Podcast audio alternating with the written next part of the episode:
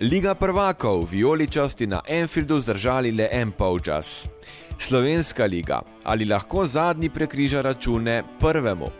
Osrednja tema: slovenski klubi v tujih ligah. Druga slovenska liga, derbi na Ptuju.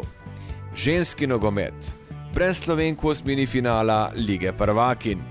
Stave, kdo bo boljši na derbiju Bundeslige?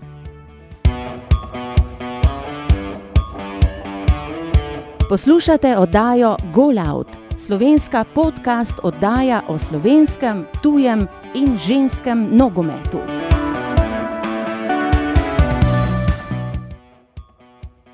Lep nogometni pozdrav iz studia Golauta, kjer smo z vami, kot vedno, dva Marka. Marko, lep pozdrav, teden je naokoli. Spet je bilo veliko nogometa na sporedu. Katera tekma ti je ostala najbolj v spominu? Lepo pozdravljen, Marko, lepo pozdrav vsem skupaj. Ja, kar nekaj jih je bilo.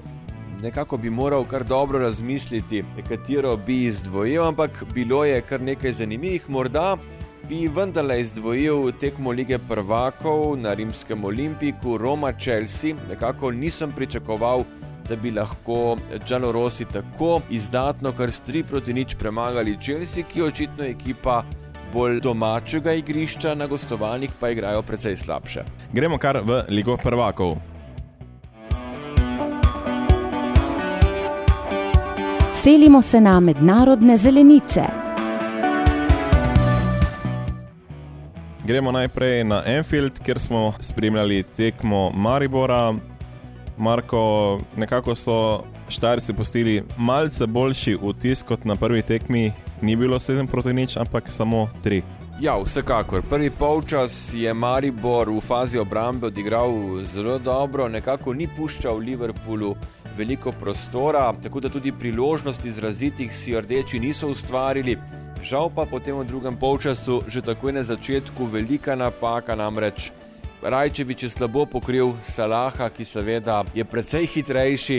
Izkoristil je to svojo hitrost in potem tudi neobranljivo. Zadev je pa res, da so Mariborčani, kot si že sam dejal, zapustili precej boljši vtis kot pred dvema tednoma v Ljudskem vrtu. Res je, da so nekako igrali italijanski način nogometa, bomo rekli. Ja, ampak nekako to so probali tudi v Mariboru, tam se jim ni šlo, ni dovolj, da se samo braniš, ampak treba se dobro, disciplinirano braniti. Tokrat velja izdvojiti predvsem Jasmina Handanoviča, ki je dokazal, da je eden redkih trenutno žal v mariborski ekipi, ki lahko igra v Ligi prvakov in kljub temu, da bo kmalo praznoval 40. rojstni dan, sodi med zelo dobre vratarje. Bi lahko rekli, da gre za slovenskega Petra Šiltona. Ja, zakaj pa ne? Namreč tudi Gianluigi Buffon se bliža 40. je? Napovedal je slovo po koncu sezone, videli bomo, kaj bo z Jasminom Handanovičem. Ampak, če bo tako branil še naprej, mu predlagam, da vendarle podaljša še za kakšno leto. Ja, drugače pač Liverpool je imel pobudo celotno tekmo, imeli so vse niti v svojih nogah, se popolnoma strinjam. Handanovič je nekako držal ta rezultat v igri, oziroma ne bi všel tako kot na prvi tekmi.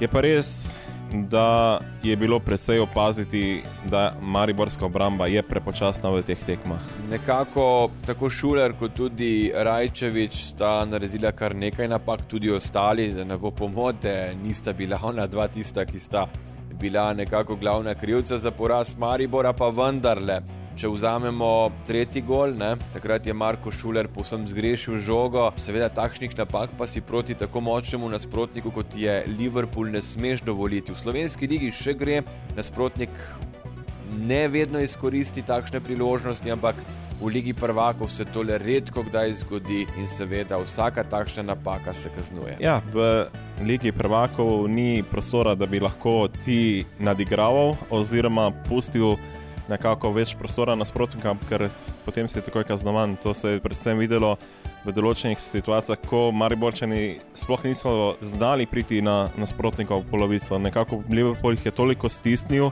Na 16, da sploh žoga ni imela prostora se premikati.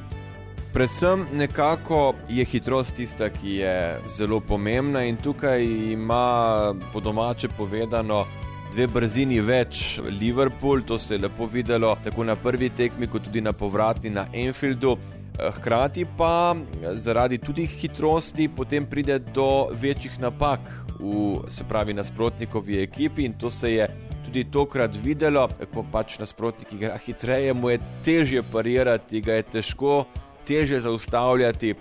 In logično, tu ni kaj dodati, Liverpool je močnejša ekipa. Je pa res, da v domači Premier League ne blesti, je pa Maribor vendarle bil toliko slabši nasprotnik, da je Liverpool tudi tokrat prišel do na koncu izdatne zmage. Škoda, ker so prejeli ta gol v zadnji minuti, sicer bi bil 2 proti nič izid še nekoliko lepši.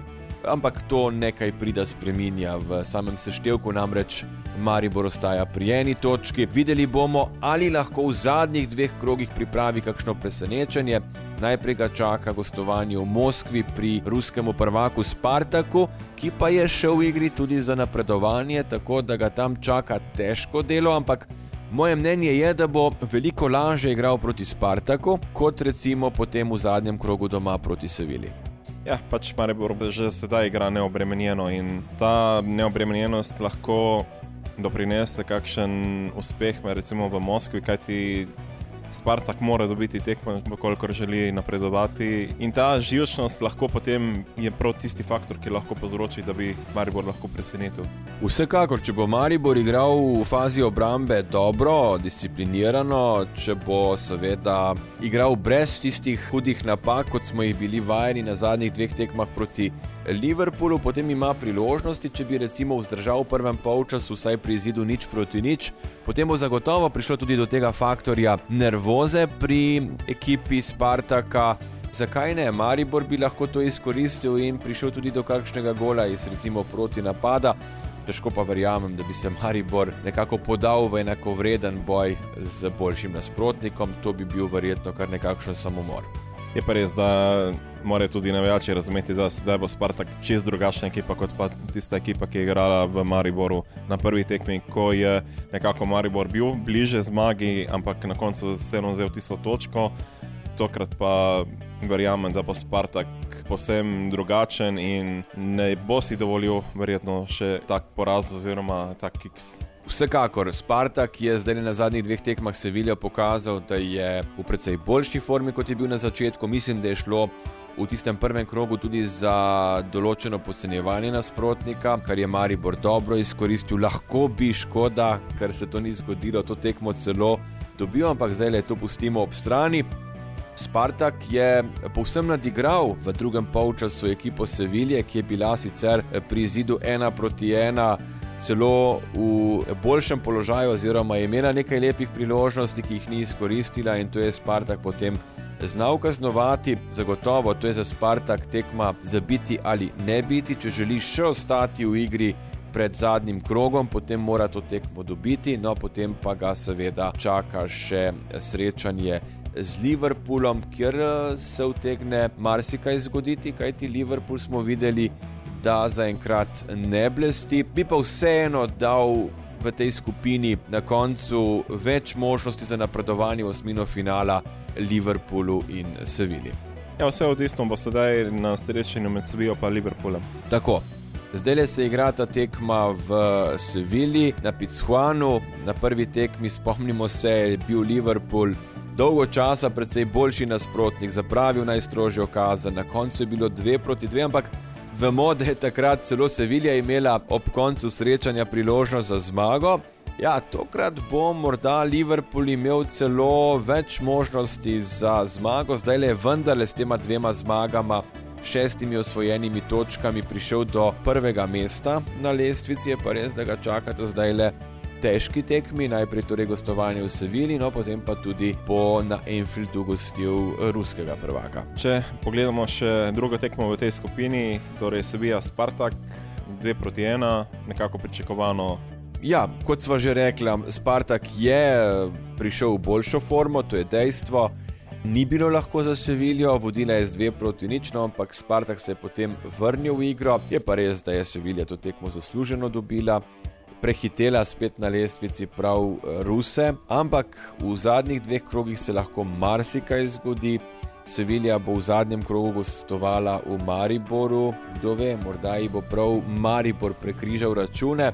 Spomnimo se, da je Maribor zelo uspešno igral proti Sevilji pred tremi leti v 16. finala Lige Evropa.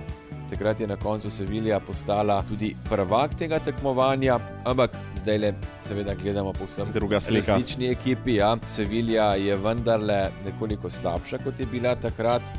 Pa morda niti ne toliko slabša, ampak ima spremenjeno zasedbo, Maribor pa prav tako v letošnji sezoni nekako nima ravno konkurenčne ekipe v Ligi prvakov. Kot sem že dejal, vse je možno, zakaj ne, lahko tudi preseneti, ampak mislim vseeno, da bo lažje presenečenje pripraviti v Moskvi, kot potem v zadnjem krogu ljudska vrta. Se pa ponoma strinjam, če ostanemo na dan srede, je bilo kar nekaj zanimivih tekem, poleg Mariborske, dva derbija, bi lahko rekli, v Neaplju in pa v Londonu. Ja, če se najprej dotakneva tekme v Neaplju na San Paulu. Napoli, ki prepričljivo vodi v italijanskem prvenstvu, doslej izgubil le dve točki in to proti Interju na derbiju doma.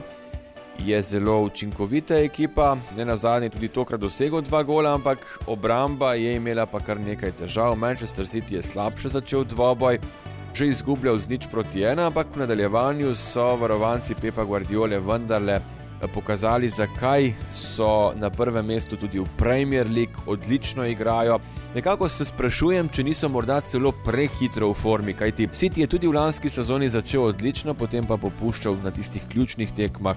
Letos je praktično že zagotovil, ne praktično, ampak resnično že zagotovil napredovanje v osmino finala lige prvakov. Seveda pričakujemo, da bo končal tudi na prvem mestu. Vprašanje pa je, kaj bo z Napolijem ki je res da še v igri, ampak zanimivo. Za Šahtarjem zaostaja za šest točk, to pomeni, da Šahtjar v zadnjih dveh tekmah ne sme dobiti niti točke, Napoli pa bi moral dobiti obe tekmi.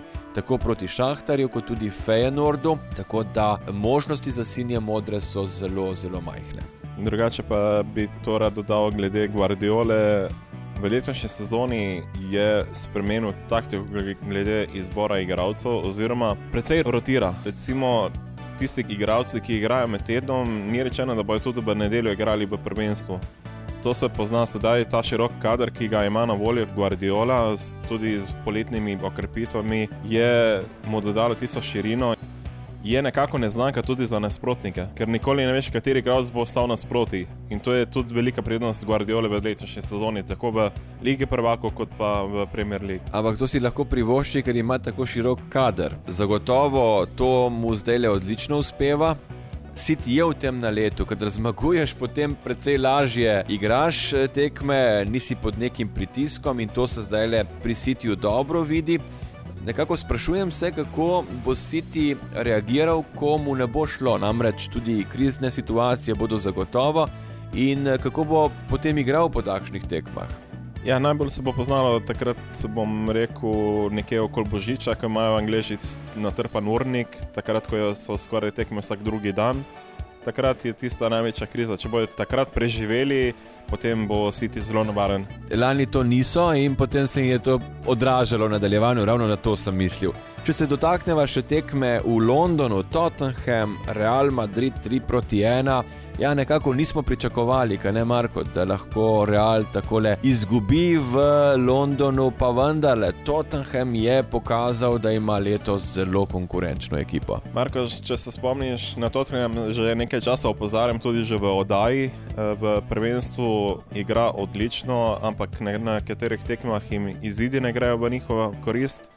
In tokrat so res pokazali tisto pravo letošnjo igro.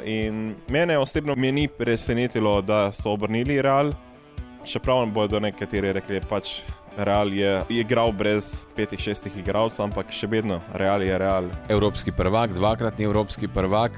Je pa res, ne, da kar zanimivo, Real tudi lani v prvi polovici prvenstva, oziroma ne samo prvenstva, ampak tudi lige prvakov ni blestev. Spomnimo se, takrat je v skupini zaostal za Borusijo iz Dortmunda, ki je ponovno v skupini z Realom in potem v izločilnih bojih začel prav proti Napolju. To zmagovito serijo do drugega zaporednega naslova eh, prvaka. Skratka, kadar je potrebno igrati, takrat bo verjetno Real eh, pravi, za razliko od nekaterih drugih ekip, ki so recimo v formi že veliko prej, ampak potem popuščajo ravno v tistih odločilnih tekmah. Jaz se popolnoma strinjam, nekako ne znajo tempirati forme. Recimo za vse te najboljše evropske klube je najbolj idealno, da tempiraš formo za spomladi.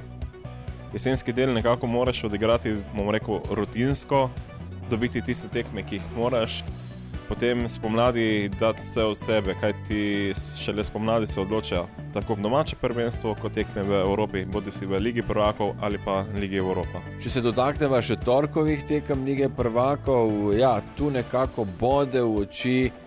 Le remi atletika proti Karabahu, atletiko je praktično pred vrati spada, bi lahko rekli, težko, težko se bodo kolčonerosi rešili.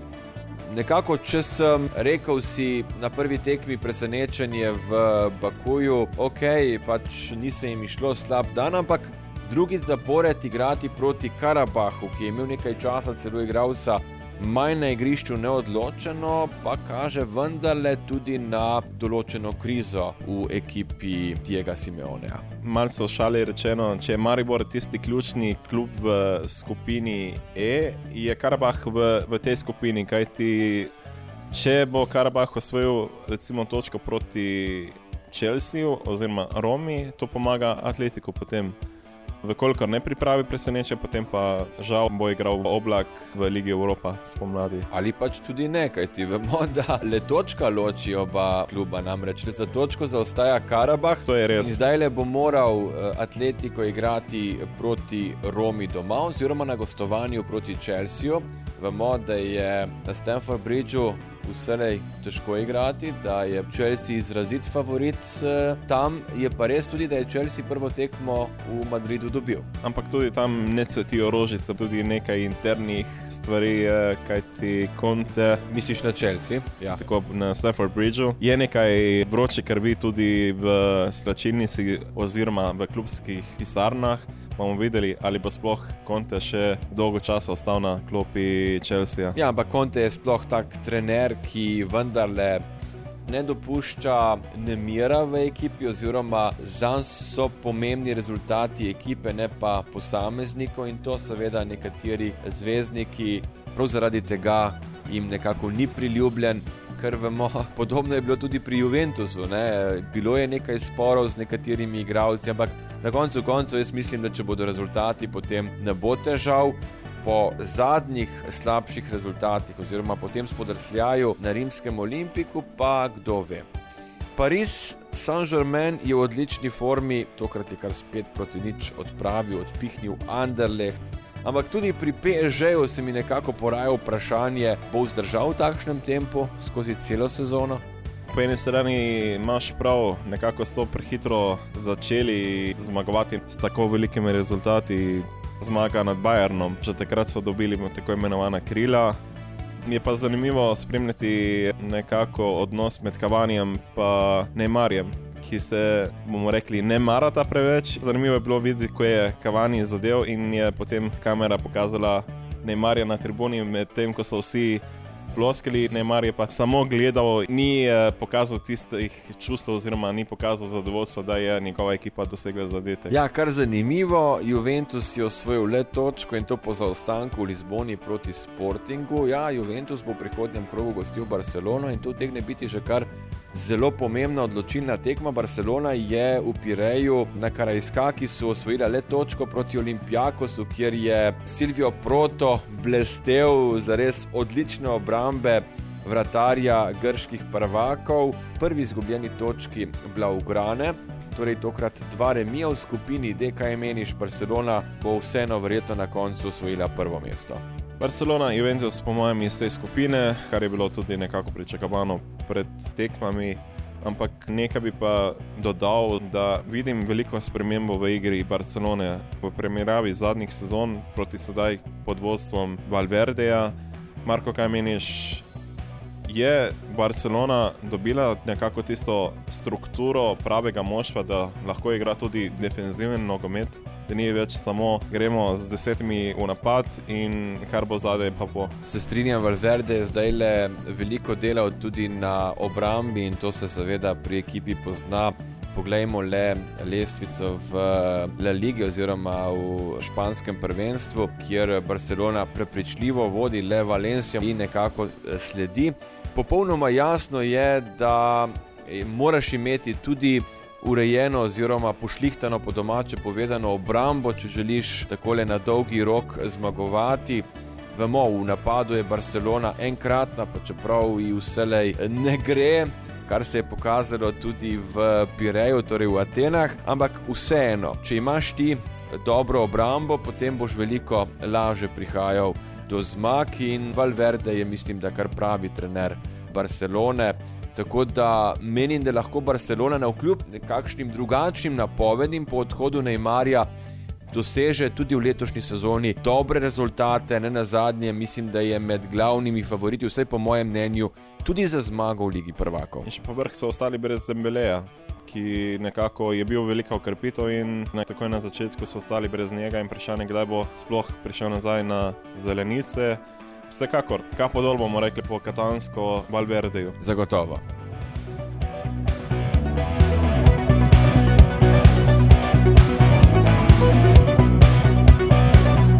Želite biti na tekočem, kaj se dogaja na Goriškem? Obiščite Go portal na trikratdvojni.go-portal.si.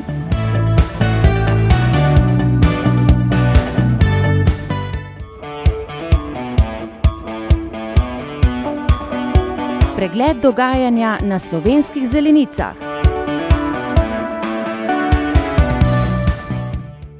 Iz lige prvakov se selimo na slovenske nogometne zelenice. Pred nami je 15. krok državnega prvenstva, v vodstvu pa skupaj Olimpija in Maribor. Torej, nič novega, Marko. Ja, nič novega, ampak novo je vendarle nekaj, da ste ekipi zdaj le točkovno poravnani in da je Olimpija na prvem mestu zgolj zaradi boljše gore razlike 28-6.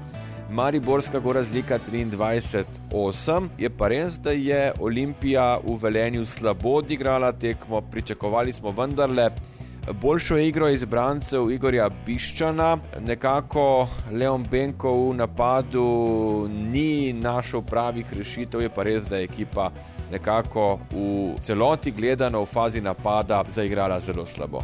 Ja, neverjetno, kako Biščanu manjka Abbas. Dejansko njegova poškodba je precej okrnila njihov napad.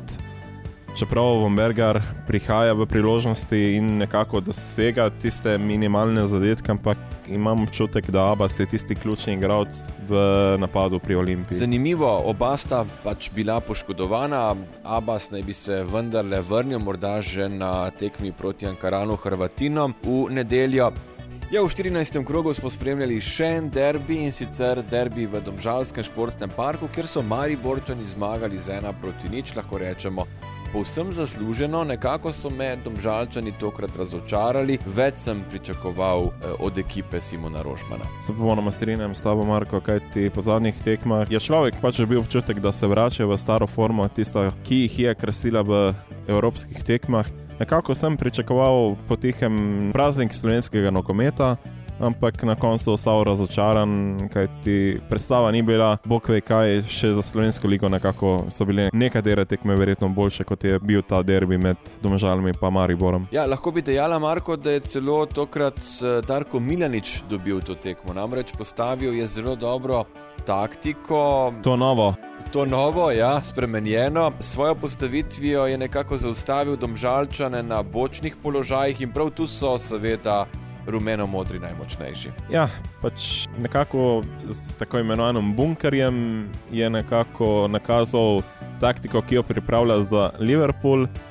Domžalčani pa niso našli poti do gola, oziroma enostavno so bili v slabši dnevni formi, da bi lahko resneje ogrozili vrata Handanoviča. Ja, na sredini igrišča je Maribor to tekmo dobil, bi lahko rekli. Namreč prav tu se je tekma tudi lomila in Maribor je bil v tem elementu močnejši. Pokazalo se je, da ima vendarle Maribor še naprej boljšo ekipo kot Domžale. S tem so Domžalčani verjetno dobesedno izpadli iz tega boja za naslov prvaka. Čeprav prvenstvo je še dolgo, bomo videli, kot sem že prej omenil, ko smo govorili o Ligi prvakov, se prvenstvo odloča šele spomladi. Ne? Vprašanje, kaj se bo zgodilo tudi pri nas, je, da je prednost velika v tem trenutku, ampak nikoli se pa ne ve, žoga je okrogla. Vsekakor je pa res, da je 15 točk razlike med vodilnim dvojcem Olimpijo in Mariborom in Domžalami. Da sta vmes še rudar in gorica. Ja, prav rudar, gorica in domžale naj bi se potekovali za to tretje mesto, kjer pa je vendarle v prednosti domžalska zasedba, ki ima tudi najmočnejši igralski kader. In sedaj imajo še Ibrahimija, ki je končno postal uradno član domžal. Če se še dotaknemo tekem, ki prihajajo, torej tekme v 15. krogu, tudi tokrat bo kar nekaj zanimivih obračunov. Prva tekma že kar sosedski derbi in sicer srečanje med celjem in rudarjem, tokrat v celski areni. Celjani so nekako le dobili to prvo tekmo pod vodstvom Dušana Kosiča in to na gostovanju v Kranju pri Triglavu. Ali lahko prekriža račune tudi rudarju, ki je v zadnjem času v dobri formi? Seleški derbi je vedno uganka, kajti tukaj odloča ponovno dnevna forma. Glede na trenutne izide bi moral nekako biti boljši rudar, ampak celje vemo, je nekako ekipa, ki trenutno igra predvsej toplo, hladno bomo rekli. Že pred kratkim smo videli, v pokalu so premagali Muro 4 proti nič, potem na prvenstveni tekmi pa izgubili doma proti Aluminiju. Dušan Kosič nekako ni uvedel še tiste konstantne igre, ki bi nekako ta ekipa začutila, da bi vsi pridobili to samozavest, da dokončno lahko bolj konstantno igrali kot do sedaj. Gorica bo gostila Triglav, torej v soboto ob 13. uri. Gorica je favorit, Triglav je letos z Gorico že kar trikrat izgubil, tako v prvenstvu doma, kot tudi na obeh pokalnih tekmah. Ampak Triglav je tudi ekipa, ki se zna zelo dobro braniti, ima pa kar precej težav v fazi napada.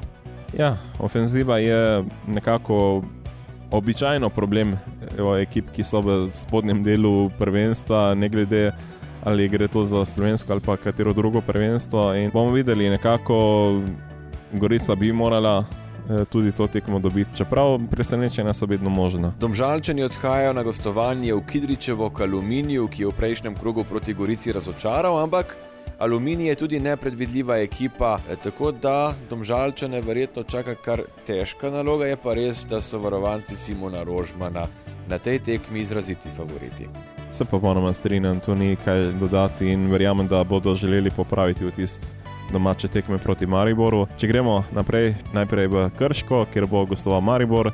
Krško, ki nekako po spodbudnem začetku kar precej pada po lestvici navzdol. Tudi Škrbič je vedno manj aktiven, oziroma pričenja tekme sklopi Marko Kameniš. Gre za kakšno interno zadevo ali je prišel izven forme, da ne najde več nasprotnikovih vrat. Ja, žal nimam informacij iz Krškega, da bi lahko kaj eh, konkretnega povedal, ampak dejstvo je, da se je tukaj nekaj zalomilo. Škrbič je bil tisti, ki je dosegal pomembne gole, odločilne gole, teh zdaj le ni. Krško ima zanimivo ekipo. In lahko se le vprašamo, ali lahko Stipe Balajč zaustavi svoj nekdani Maribor kjer naj bi, tako je tudi sam povedal v enem izmed intervjujev, mu pred leti ponujal službo tudi Zlatko Zahovič. Ja, zanimiv obračun. Obračuni v Krškem so bili vedno zelo izenačeni.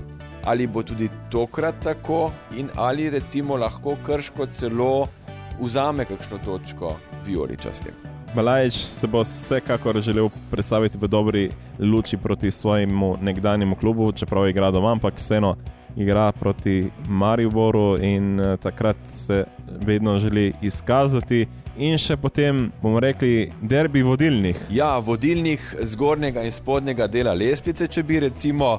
Lestvico obrnili tako na glavo, potem bi bili na vrhu Ankarančani, ampak vemo, da se to ne da kar tako narediti. Eh, torej, Olimpija gosti zadnjo vrščeno ekipo. Na prvi letošnji tekmi, ki je bila odigrana v Dravogradu, so imeli Ljubljančani v prvem polčasu kar nekaj težav, pa tudi na začetku drugega polčasa, ko so Ankarančani celo prišli do izenačenja, ampak na koncu so vendarle to tekmo zeleno-beli dobili s 3 proti 1. Ekipa Ankarana Hrvatino je prav tako po svoje zelo zanimiva, na trenutke igra dobro, na trenutke nekako slabo. Na trenutke v drevesih Maribora.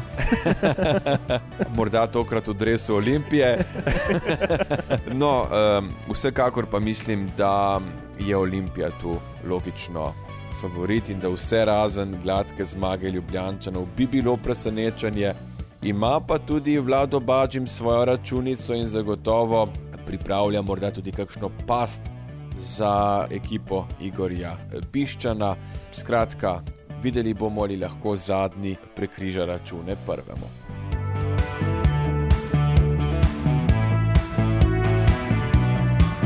Potrebujete spletno stran, mobilno aplikacijo ali grafični izdelek? Priporočamo Source Design. Pokličite jih na nič 31 256 991 ali obiščite njihovo spletno stran www.sourcedesign.com.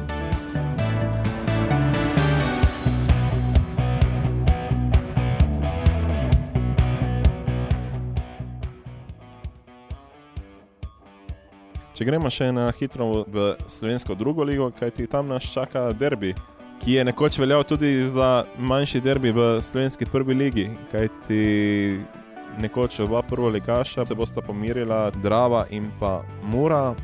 Kaj meniš? Bomo spremljali prvo ligaški nogomet v teh krajih v naslednji sezoni? Ja, jaz mislim, da v Murski soboti zagotovo, mislim, da je Mura v letošnjem prvenstvu izrazit favorit in da bo na koncu tudi zmagala v drugoligaški konkurenci. To pa pomeni, da si bo priigrala, seveda, neposredno pot v višji rang tekmovanja.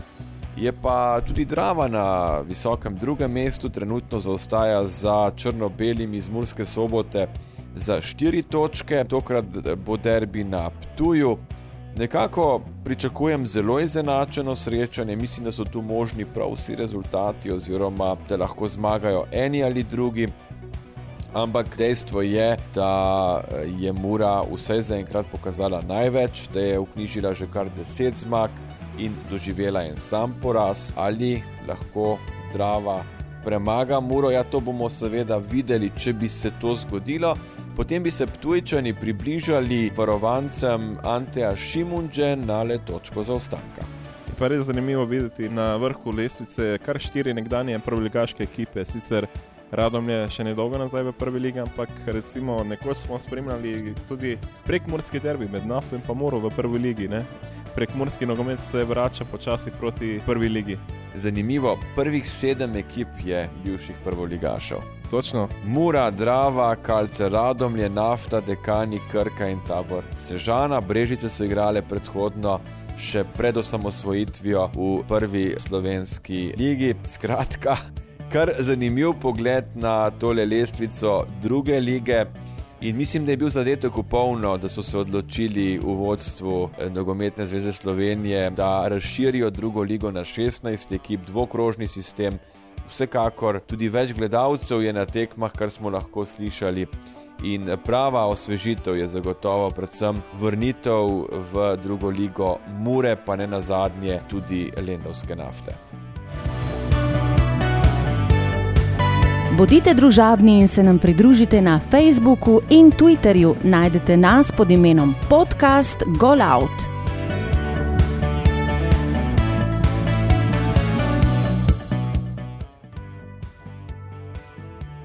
Tako nadaljujemo z današnjo osrednjo temo, v kateri se sprašujemo, ali bi slovenski nogometni klubi imeli možnost biti v vrhu, oziroma se enako vredno kot klubi iz najmočnejših držav, kot recimo, da bi Maribor igral v Premier League ali pa Serie A, Premier League, Bundesligi, Likan. ali pa Premier Divizon oziroma La Ligi. Ja, nekako, Marko, ko smo se pogovarjali, kaj bi vzela za tokratno temo, nam je takoj prišla na misel tekma Maribora proti Liverpoolu.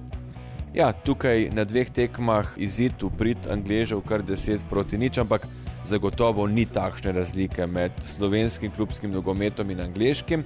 Je pa res, da se sprašujemo, ali bi lahko slovenski klubi, predvsem tisti najboljši, pa vzemimo recimo letos. Vodilna dva, ki sta tako izenačena. Pa recimo še domžalčani, ki so se dobro upirali, dobro igrali v evropskem klubskem tekmovanju poleti v Premier League.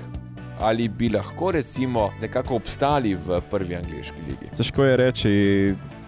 Borba bi pa vsekakor bila za obstanek, kaj več, pa zelo dvomim. Recimo, Če bi prišli do sredine lestvice, bi po mojem bi to bil že velik uspeh za slovenski klub. Zima, če bi nastopil v Premier League, kajti vemo, tudi tisti, ki igrajo za Brighton in Huddersfield, so nekako v istem rangu kot nogometaši Maribor, če niso celo bolj kakovostni, kajti vseeno gre za ligo, v kateri igrajo igralci, ki imajo zdaj že neko kvaliteto, oziroma nekako imajo že predispozicije dobrega nogometaša. Je pa res, da če igraš ti z močnejšimi nasprotniki, potem tudi pridobijaš na kvaliteti. Tudi to je res. In če bi igrali v takšni ligi, potem bi zagotovo postajali tudi sami igralci močnejši, bolj samozavestni nekaj posebnega igrati pred polnimi tribunami. Ne? Če bi igrali v Premier League, potem bi tudi tekme, recimo slovenskih klubov, izgledale povsem drugače.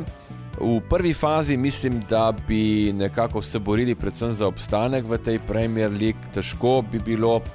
Je pa res, da tudi angliška liga je potem specifična, gre za vendarle zelo fizično ligo, kjer je manj taktiziranja, veliko tekanja, prav po tej plati bi morali slovenski klubi kar precej napredovati, če bi se želeli nekako podati v enakovreden ali pa vsaj bolj enakovreden boj z angliškimi klubi. Ja, pač, če smo realni, nekako naši klubi bi več možnosti imeli, recimo v italijanski seriji ali pa francoski ligi. Zagotovo.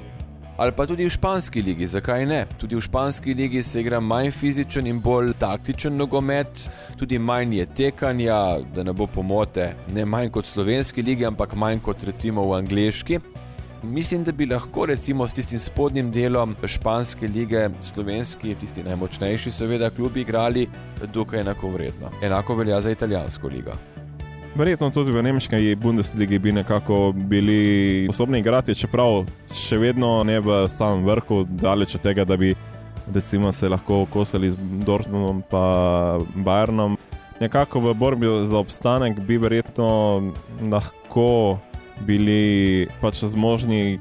Recimo, če primerjamo, da so letos igrali s Freiburgom, ki je trenutno na 15. mestu Bundeslige, torej precej daleč od lanskih rezultatov, ko si je prigral nastop v kvalifikacijah za Ligo Evropa. Ampak s tekmoma proti Freiburgu so domžalčani dokazali, da lahko igrajo tudi proti članu Nemške Bundeslige. To je nek pokazatelj, ki kaže na to, da lahko vendarle tudi slovenske ekipe igrajo v takšnem prvenstvu. Je pa tudi res, da dejansko, recimo, Evropski pokal so dve tekmi, lahko imaš slab dan, tu pa tudi s Freiburgom so igrali, ko sezona še ni v zagonu in tudi Freiburg, ki je precej spremenil igralski kader v primerjavi z lansko sezono, ki si je zagotovil postopenstvo za Ligo Evropa.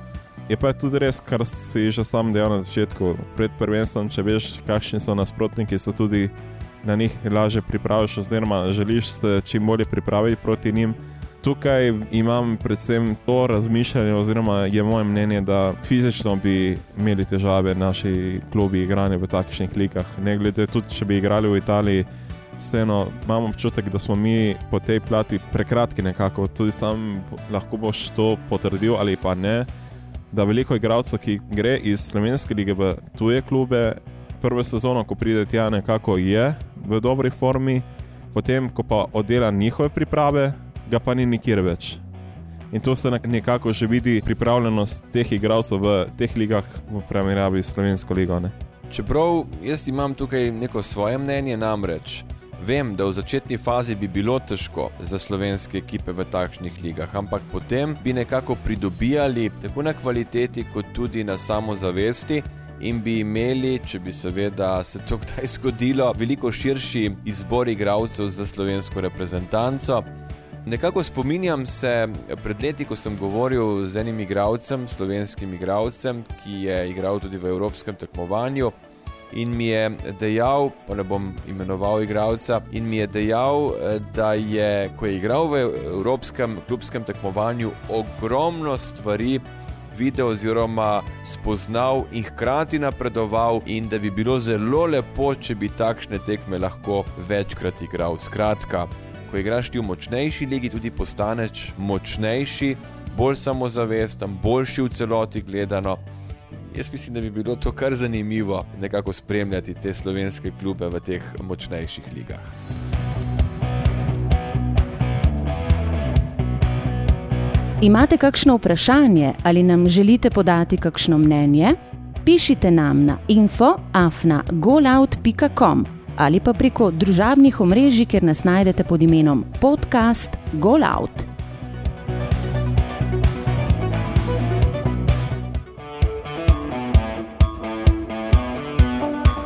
Dovolj je moške prevlade, na vrsti je ženski nogomet. Jaz zdaj lepo odhajamo na ženske nogometne zelenice, kajti bližajo se prve tekme osmine finala lige Prvakin.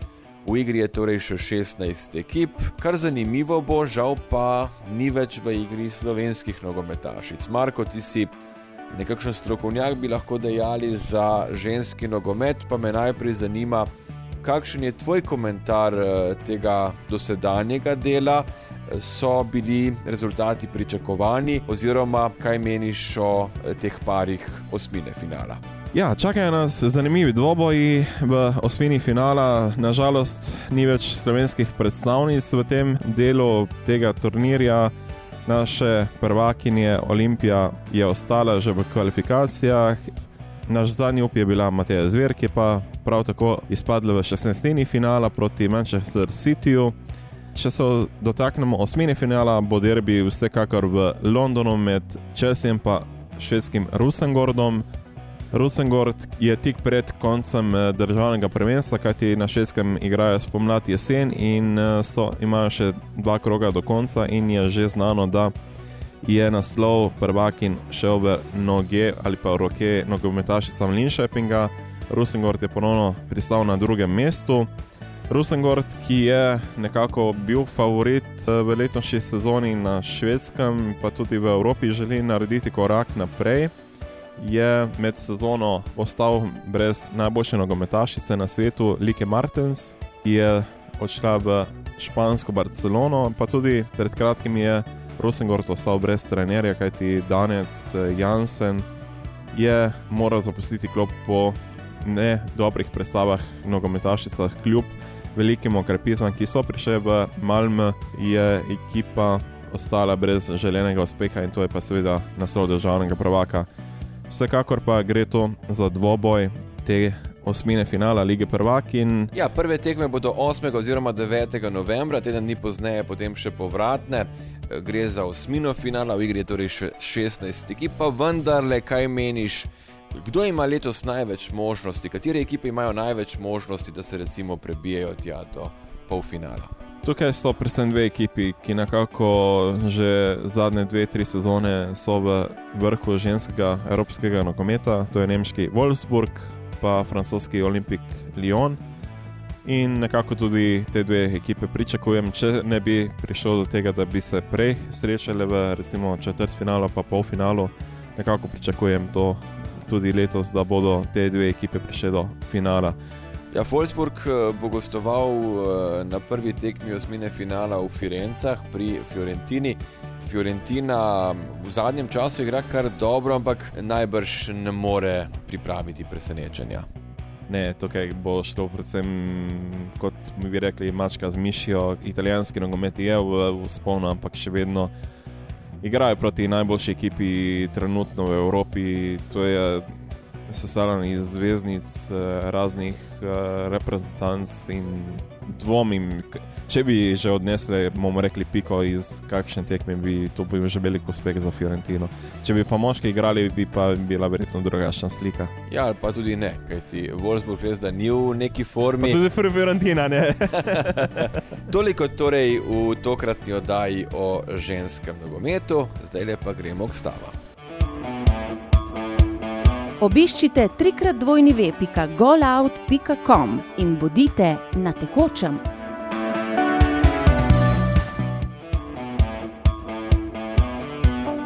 Kdo bo koga? Stavniški dvoboj Marko in Marko.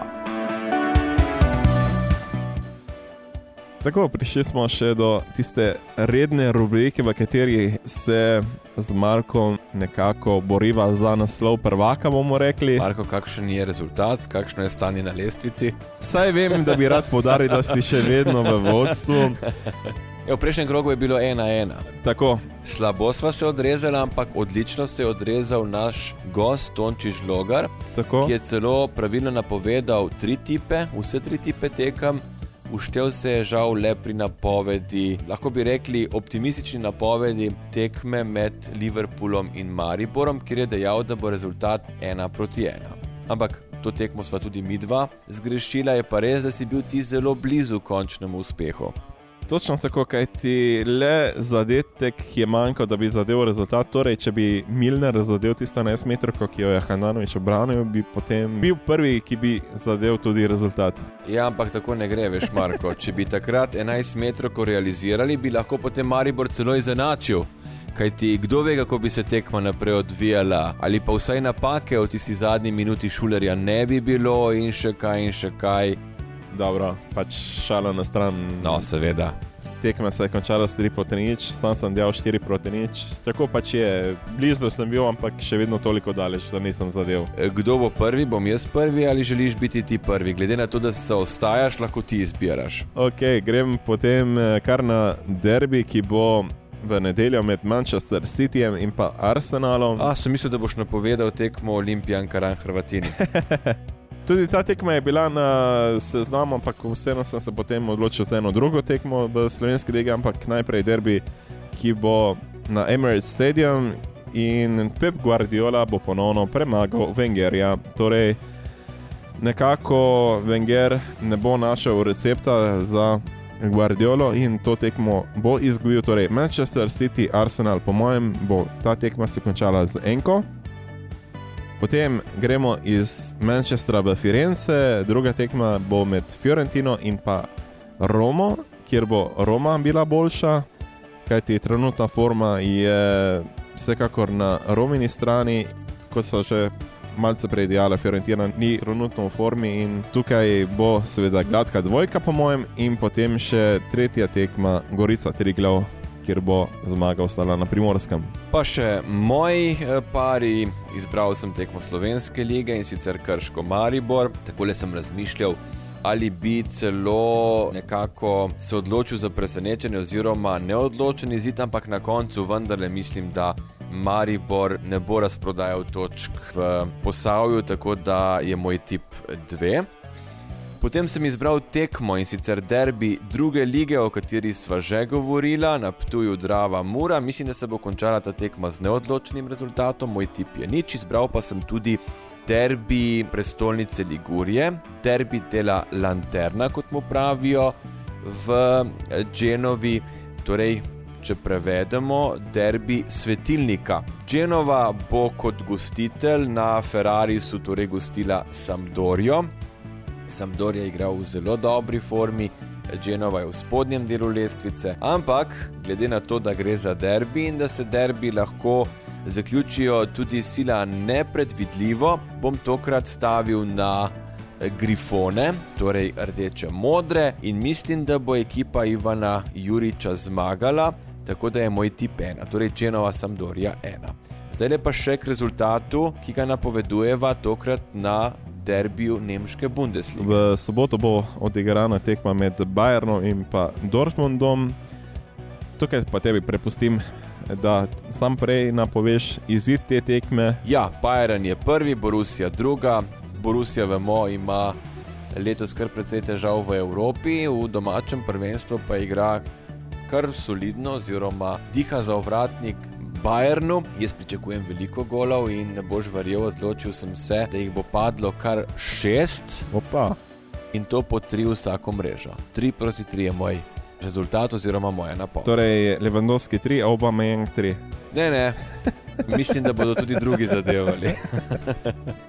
čeprav glede Levandovskega je še vedno nekako nejasno, ali bo igral na derbiju ali ne, ampak moj tip za to tekmo je pa dve proti nič za Bayern. Torej staviš na ekipo, ki že toliko let seveda vlada v nemški Bundesligi. Torej bomo videli. Bomo videli, vsekakor zanimive tekme prihajajo, zagotovo si jih boste tudi vi ogledali tako pred malimi zasloni, kot tudi na samem prizorišču. Slovenska liga prav tako vabi, tako da bodite seveda tudi prisotni na tekmah, navijajte za svoje ekipe, predvsem pa bodite športni in čez teden dni spet v Golavtu, kaj ne Marko. Točno tako, naslednje. Lepo zdrav.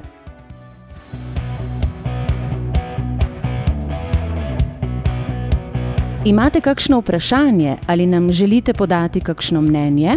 Pišite nam na info.afna.golout.com ali pa preko družabnih omrežij, kjer nas najdete pod imenom podcast Golout.